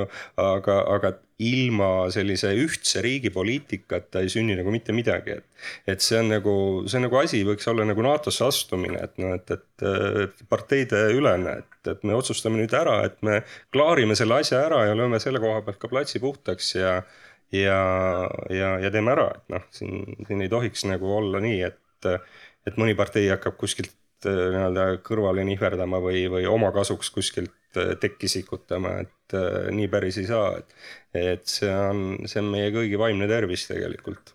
ja nagu näiteks, kui panna see raha platvormidele siis ega nende huvides ei ole ju see, et kuidagi hakata piirama äh, info levitamist ja seda, et teatud inimesed ei kommenteeri, ei jaga, ei postita, ei share'i, eks ju. et tegelikult nagu noh, nende huvid lähevad seal väga selgelt nagu segi ja kui meie riigina ütleme, et, et vot platvormina sa pead tegema seda või sa pead meile tulema sellega vastu, sest lihtsalt teisiti me ei saa sind enda riiki lubada, siis ma arvan, et jah, nii nagu oligi, et Eesti on samas nii väike, meid on Muidugi nii on. vähe Facebooki jaoks, me oleme kärbsemust, mis asja, mis teil on mingi oma keel või haa, me arvasime, et te baltlastel võib olla üks ja sama moderaator, et noh, te olete niikuinii üks ju. et me oleme nii pisike ka, et see on meie sihuke võlu ja valu tõenäoliselt, et platvormid meist vist eriti ei huvitu. ega nad vist ja isegi tervest Euroopa Liidust väga ei, ei lase ennast segada. et, et see on nagu keeruline, et ma arvan, et jah, me tuleme, peame ikkagi ise hakkama saama sellega, et leidma võimalused need, need sõdalased sealt üles leida ja vastutusele võtta lihtsalt ühelt poolt ja teistpidi oma immuunsust kasvatada. seega platvormid ei töötaks, selle me peame maha tõmbama, aga mõtleme konkreetsemalt. Teile oli südamelähedane see, et me peaksime ikkagi hariduse kaudu lähenema. Kuidas sellist asja õpetada, kuidas õpetada info vastupidavust, psühholoogilist kaitset, strateegilise kommunikatsiooni noh, nagu masterclass on ju, et meil oleksid kõik äh, inimesed pädevad selles valdkonnas, kuidas, kuidas me seda teeme? Nõukaajal oli hea, et siis oli see, inimestel oli selline ridade vahelt lugemise oskus, et kui sa lugesid ajalehe teksti, siis äh, tegelikult äh, tihtipeale mõistsid, et sinna ridade vahele oli hoopis teine sõnum peidetud, on ju, et äh, kuidagi võiks, võiks nagu mõelda, et äkki äkki, äkki me suudame oma, oma järeltulijaid ka ikkagi õpetada nii, et nad oskaksid teksti mõttega lugeda ja, ja, ja mõelda selle sisu üle ja mõelda, mis selle teksti taga on, et noh, eks see algabki koolis sellest samast lugemisoskusest, analüüsioskusest tulebki õpetada sedasama teksti analüüsioskust, et juba ma ei tea, alates, alates põhikoolis kindlasti ja, ja ma arvan, et see ei ole ka ainult nagu kooli teema, et kui, kui siin äh, võttis inimene sõna Rahvusraamatukogust, eks ju, siis ma tean, et neil on väga äge pro programm, kus ongi nagu lapsed käinud, ma olen ise ühe mingi asja seal läbinud, väga ägedad erinevad küsimused olid, millele sa pidid vastama.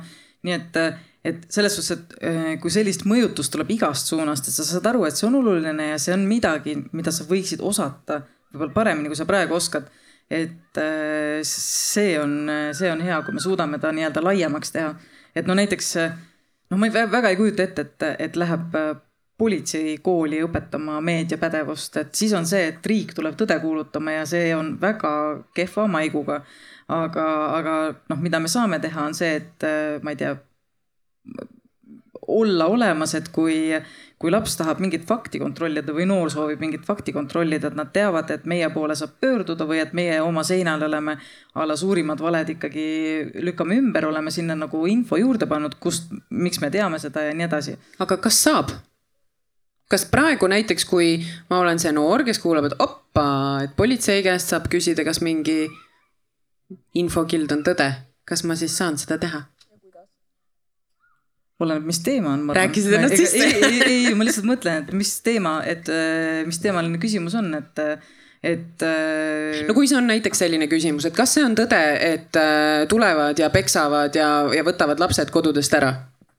no vot ja siis on meie asi pikalt, pikemalt seletada lahti, et miks sellist infot jagatakse ja sinna juurde pannagi selle, et näed, meie statistika kolme kuu jooksul ütleb seda, et on toimunud sellised, sellised asjad ja et me ei saa jah kinnitada nagu jällegi, et kui tahetakse fakti, eks ju, naabri kohta, et siis noh, me ei, meie sellist, sellist fakti ei kinnita.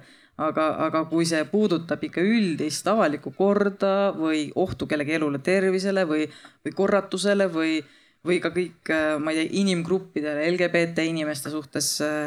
et mina ütlen, et seal tuleb panustada rohkem, et, et me toomegi välja need faktid, et inimesed oleksid teadlikumad nemad no. neid fakte mujalt ei saa ju, nad saavadki meilt statistikat sellist. see on igati mõistlik, et äh, aga kas politseil on olemas selline ressurss? ei, aga ei no selles suhtes, et äh, ma arvan, et äh, oleneb sellest, et kuhu sa oma äh, teravikku suunad. et seesama, et kui, kui meil siin Ukraina sõda algas või kui meil oli koroonakriis, et me ju tegime ka neid nii-öelda väga selgeid väärinfot ümber lükkavaid klippe, et jõuda inimesteni et, et nad tulidki reklaamidena siis, kui sa kuulasid oma, ma ei tea, mingit lemmiklugu kuskil Youtube'is või vaatasid mingeid asju, eks ju, et ühesõnaga nad jõudsid sinuni selleks, et me, me andsime märku, et näed, et levitatakse sellist infot ja see ei vasta tõele. oli see seaduse tõlgendamine, oli see see, et millised piirangud kehtivad või, või, või mis, mis iganes kas abipolitseinikuks saab tulla ka näiteks digisfääri, et olla see inimene, kes aitab neid noori ja teismelisi? absoluutselt. Ja mitte ainult, ma, mina ütleks, et äh, kuigi jah äh,, siiski ma olen peadirektorile lubanud, ma alati ütlen, muidugi tulge kõik abipolitseinikuks. Aga, aga tegelikult on võimalik panustada ka näiteks naiskodukaitses, et sa võid samamoodi äh, läbi naiskodukaitse jõuad teiste äh, näiteks naisteni või äh, hakkad äh, õpetama noorkot-, eakaid kodutütreid ja, ja saad endale antud tarkused juba edasi suunata ja me jõuame jällegi palju rohkemate inimesteni kas midagi on jäänud ütlemata, Kaili, et kuidas siis nagu läbi hariduse koolisüsteemi aidata meedia infopädevusi kuidagi no, kohale jõuda? ma olen sinu kolm ainet võtnud, kus me räägime sellest. et äh, äh, ma olen väga suur äh, sotsiaalmeedia usku ja selline, et teeme asju niimoodi, kuidas nagu äh, jõuaks äh, kuidagi innovaatiliselt või uuelt. mis me siis tegime, oli Tiktok'e, Instagrami postitusi, mingid lõbusad mängud, asjad, et sa ei näita, mis on õige või vale, aga sa näitad inimesele äh, kätte, kuidas äh, see õige või vale üles leida. et sa ei ütle, et, et temal on õigus ja temal mitte, aga sa ütled, et aga miks üldse inimesed on erinevad ja ütlevad erinevaid asju, just selline asi et muidugi kõige klassik, kui me saaksime kõigepealt selle paika, et meil on üldse koolides varakult konkreetselt äh, õpetatakse, et äh, kuidas meedia töötab, kuidas ajakirjandus töötab, et inimesed ei kasvaks üles arvates, et ajakirjanikud on kõik äh, riigi palgal olevad manipulaatorid, on ju. et kui me saaksime need põhitähed paika, siis kõik need sotsiaalsed pro programmid valeinfo nii-öelda tackle imiseks oleks minu arust väga hea meede. ja võib-olla see, ma ennem vestlesin Rasmus Kagega ja tema näitas ka ühte ühte tüüpi siis, kes äh, väga palju postitab valeinfot ja sellist äh, kallutatud, äh, mõjutatud infot Vene poolt nii-öelda Eesti inimestele ja, ja, ja ta ütles, et aga, aga miks politsei, miks te ei tee, tehke sama ägedalt või veel ägedamalt neid samu sarnaseid teemasid ja noh, te ei pea nagu ümber lükkama, vaid lihtsalt tehke oma tõde ägedamalt, noh, et me, mul on tunne, et me oleme praegu selles faasis, kus me enam-vähem jõuame sinna, et me lükkame ümber selle valeinfo. aga, aga lihtsalt äh, võib-olla ma ei tea, kas meil Eesti politseis oleme veel selles kohas, et me hakkame nüüd tegema ägedaid asju, et, äh, et jõuda rohkemate inimesteni ja neile pakkuda alternatiivset infot, mis on meie poolt kontrollitud kas see peab just politsei olema, et aga, aga, aga riigis võiks olla tõesti keegi, kes selliste lugude jutustamisega tegeleks, just nimelt lugude jutustamisega. et äh, lugu peab olema haarav, emotsionaalne, ta peab sisaldama seda tõde, ta peab olema atraktiivne. noh, siis ta läheb peale, eks ole, et äh, aga noh, ma ei, ma ei usu, et see on politsei töö, et, et aga kuskil kuskil see asi kelle töö? ja siin, kui teil on häid mõtteid, palun aidake meid, et kui me saame noh, me kuidagi intuitiivselt tajume, et võib-olla nagu jah, politsei ei peaks käima, on ju, tõde kuulutamas kuskil, et see, see kuidagi ei, ei kõla nagu hästi. ja need vaesed õpetajad, nad juba niikuinii peavad kõike õpetama, on ju, ja lastest inimesi kasvatama. aga nagu... kas me julgeme selle ülesande anda, anda näiteks influencer, influencer itele? kas me julgeme? miks? ei sealt tuli nagu ei. see on, see on äri ju tegelikult, et nad teevad oma tööd ja teenivad raha, et, et see ei ole nagu see, et noh. et äh, siin peaks, ma arvan, et natuke mõtlema jah, et praegu vastust ei ole. veel mõni variant äkki? kes saab abiks olla? keegi publikust ütleb, andke mulle. mina teen ära, ma teen. ei no ma võin ka teha. juba ta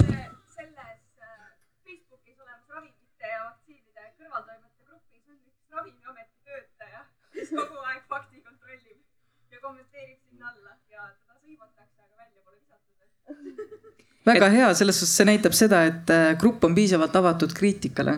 Äh, mitte see, et nad seda kuulda võtaksid, aga, aga minu arust on äh, näiteks ka kasvõi veebipolitseinikega see, et kui, kui sa oled mingis grupis, kus nagu ma ei tea, võib-olla ongi, ma ei tea äh,, räägitakse erinevatel teemadel, mille, aga no ühesõnaga ka äh, inimesed, kes räägivad ebaseaduslikel teemadel, aeg-ajalt vajavad nõu, et et kus see seaduse piir siis ikkagi läheb, ma ei tea, et. kas sa räägid narkootikumidest? ei, ma rääkisin pigem nagu mingi driftijad või kiirus, kiiruseületajad või nagu, et no ühesõnaga, et, et nad, ma ei tea, kui sa tuunid oma auto ja pepu on vastu maad autole, et noh, et võib-olla noh, et kus see seaduse piir läheb või midagi võib-olla on tore, et seal keegi vahepeal ütleb, et teate, tegelikult asjad käivad niimoodi. Aga kõikidesse gruppidesse loomulikult meid sõbralikult vastu ei võeta ja, ja kui avastatakse, siis äh, meie elu seal väga pikalt ei kulge.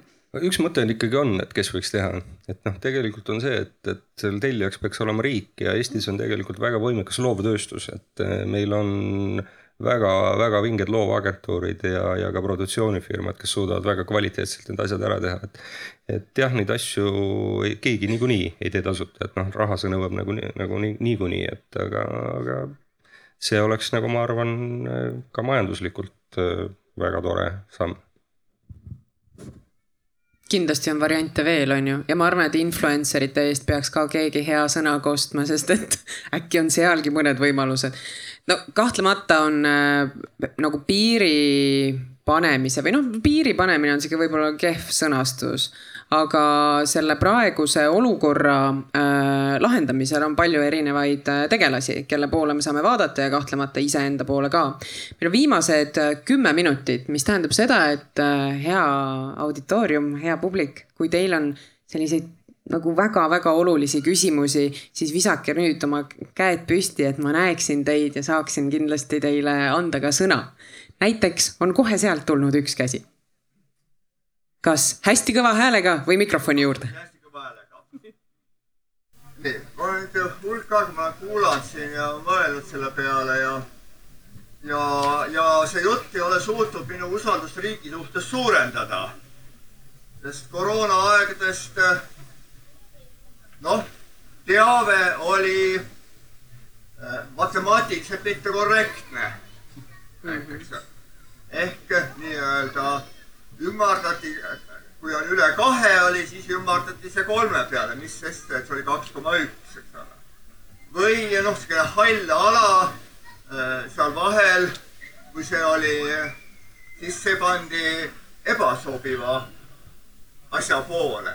nii et riik teadlikult noh, kasutas sellist halli ala enda väidete tugevdamiseks, mis siis andis väga tugeva jõu neile, kes väitsid, et need väited ei ole õiged ma kohe annan sõna enda kõrvale ka, aga ma küsin vastu, kui tohib. et mis selle usalduse kuidagi nagu noh, aitaks seda toestada? aga see peaks olema siis õiged andmed, mitte niimoodi eh, noh, niimoodi natukene peaaegu umbes äkki niimoodi võib see ümardada sinnapoole. avatus on see, avatus on see ja läbipaistvus tegelikult kommunikatsioonis, et kui sa avaldad andmed ja kõik alusandmed ka nähtavaks ja siis, siis on kõik fine. siis on, siis on nagu puhas leht, aga muidu tekib see olukord, et Äh, kiidetud olgu issand, kes laskis tõde jälle sedapidi paista, eks ole. et mis on nagu Eesti äh, selline üks, üks parim äh, propaganda näide Nõukogude filmiajaloost, siis, siis vaadake seda algust, seda, seda, seda, kuidas tõde lastakse paista nii, nagu soovitakse, on ju, et see oli hea näide, on ju, võib-olla. aga võib-olla mis, mis meid ka võib-olla edasi viib ja mis aitab võib-olla usaldust võita, on ka see, et et riik õpib igast kriisist, et, et me oleme nüüd olnud järjest erinevates kriisides, meil on äh, olnud erinevaid äh, muresid, mis on meie riigi inimesi mõjutanud. ja iga rii-, iga kriis me õpime midagi juurde, nii et järgmine kord sarnases olukorras me tõenäoliselt teeme juba asju paremini. et mi, mina ei taha, ma noh, käsi südamel, ma tahaks uskuda, et riik on rääkinud tõtt ja, ja, ja ma, ja ma ka usun sellesse. aga ma tean, et on inimesi, kes võib-olla arvavad, et ma ei tea, andmed ei olnud sellised, nagu nad, nad, nagu neid näidati. aga ma arvan, et järgmises kriisis me oskame kommunikeerida paremini ja me oskame olla nii-öelda inimeste jaoks paremini olemas, et äh, iga kriis nagu õpetab. et ma arvan, see oli ka see üks neid, neid sõnumeid, mis oli see hommikupoolne paneel, kus oli meil siin äh, Katri Raik ja Elmar Vaher ja, ja, ja nad rääkisid just selleks, sellest, et äh, kuidas, kuidas meil need kriisid äh, alati nii ootamatult tulevad ja kas riik ikkagi on nendeks valmis. et tegelikult me oleme valmis, aga lihtsalt äh, iga kriis on uue näoga, olgugi et teema on sama, aga tegelikult igal kriisil on mingid omad nüansid, mis vajavad nagu veel silumist ja Äh, ma ei tea, suur boonus on see, et võib saja aasta pärast meil on nii palju kriise olnud, et me oleme juba üsna heas nagu la-, la-, la-. siis me tuleme jälle siia kokku ütleme, et näed jälle kommunikatsioon ei töötanud, oli hägus ja, ja ei liikunud õigesti, on ju. sest äh, kommunikatsioon Lõputu... ongi see, mis ei saa valmis ja see ei ole kunagi lõpuni hästi tehtud ja, ja ühekskeks, üheksaks kriisiks ei saa ka lõputult valmistuda, et äh, siin see sõnum oli Päästeametilt oli just see, et, et meil võivad olla kõik häiresignaalid, varjendid, kõik, kõik, kõik asjad olemas olla. aga me, noh, see ongi meil paberil olemas, aga see, kuidas ma ei tea, kui, kui sinu elus juhtub midagi traumaatilist, kas sa tead alati, kuidas sa käitud ja kas sa tead kõiki neid äh, võtteid, kuidas iseenda näiteks tunnetega toime tulla, ega, ega riigiga on seesama asi, et meil võib paberil olla, kõik on väga okei okay. ja noh, ei pruugi toimida aga hästi oluline mõte oli see usalduse küsimus, et usalduse pankrot või selline nagu usalduse kadumine on viimaste aastate globaalne mure. inimesed ei usalda üksteist, ei usaldata institutsioone, ei usaldata infot, mitte midagi. ja siis me olemegi niimoodi nagu lahti haagitud niimoodi natuke vist tundub. et kuidas see usaldus kuidagi tagasi tuua, sihuke hästi lai küsimus, sest et meie aeg hakkab läbi saama ja nagu me nägime, siis me ei taha öelda välja, et näed sa, tema peaks piiri tõmbama, on ju, mida ma juba teadsin ette. aga kuidas siis seda usaldust äh, luua juurde, et, äh, et noh, meil oleks üldse, kuhu ennast kinni haakida, kui me üritame saada aru, mis on valeinfo ja mis on tõene info? kui usaldus algab inimestest ja kui, kui me räägime, et riik on inimesed, et siis me, me ju tegelikult selle usalduse panemegi nendesse inimestesse, et käige valige, andke oma hääl nende inimeste poolt, kelle, kelle suhtes te teate, et nad teevadki neid faktikontrolle, nad tahavadki seista õige info või nagu nii-öelda tõese info eest. võib-olla see, näiteks see on üks, üks võib-olla mingi asi, mida, mis võiks aidata ma arvan, et äh, riiklikud institutsioonid võiksid natukene korra üle vaadata, kui läbipaistvad nad oma informatsiooniga on, sest näiteks ajakirjanduses on see probleem väga suur, et mingi täiesti selline materjal, mis võiks olla avalikkusele avalik, ei ole avalik, mis tekitab nagu meis kui ajakirjanikes usaldamatust ja siis inimestes omakorda, sest meie ju kanname selle kõik rahvale edasi. et äh, mõelda korra läbi, et äh, kust jookseb see piir, et kuna riik on rahvas, siis sa peaksid seda rahvast teenima. et millal jookseb see piir, et nüüd ma pean varjama midagi ja see on riigisaladus ja lihtsalt, et ah, igaks juhuks. Need AK-sildid just mingitel äh, dokumendiregistritel, mis on siis, ma ei tea, kas see on laiema, laiemale publikule teada, aga mis on siis väga suur selline riigi ja ajakirjandusmaailma selline konflikt, et äh, ei ole mõtet äh, panna kõigele seda templit peale, et ei tohi teada, mis toimub mm. -hmm. AK ehk siis äh,? Asutusesiseseks kasutuseks on ju iga kord tuleb kõik lühendid läbi rääkida. see oli juba väga äh, konkreetne ettepanek.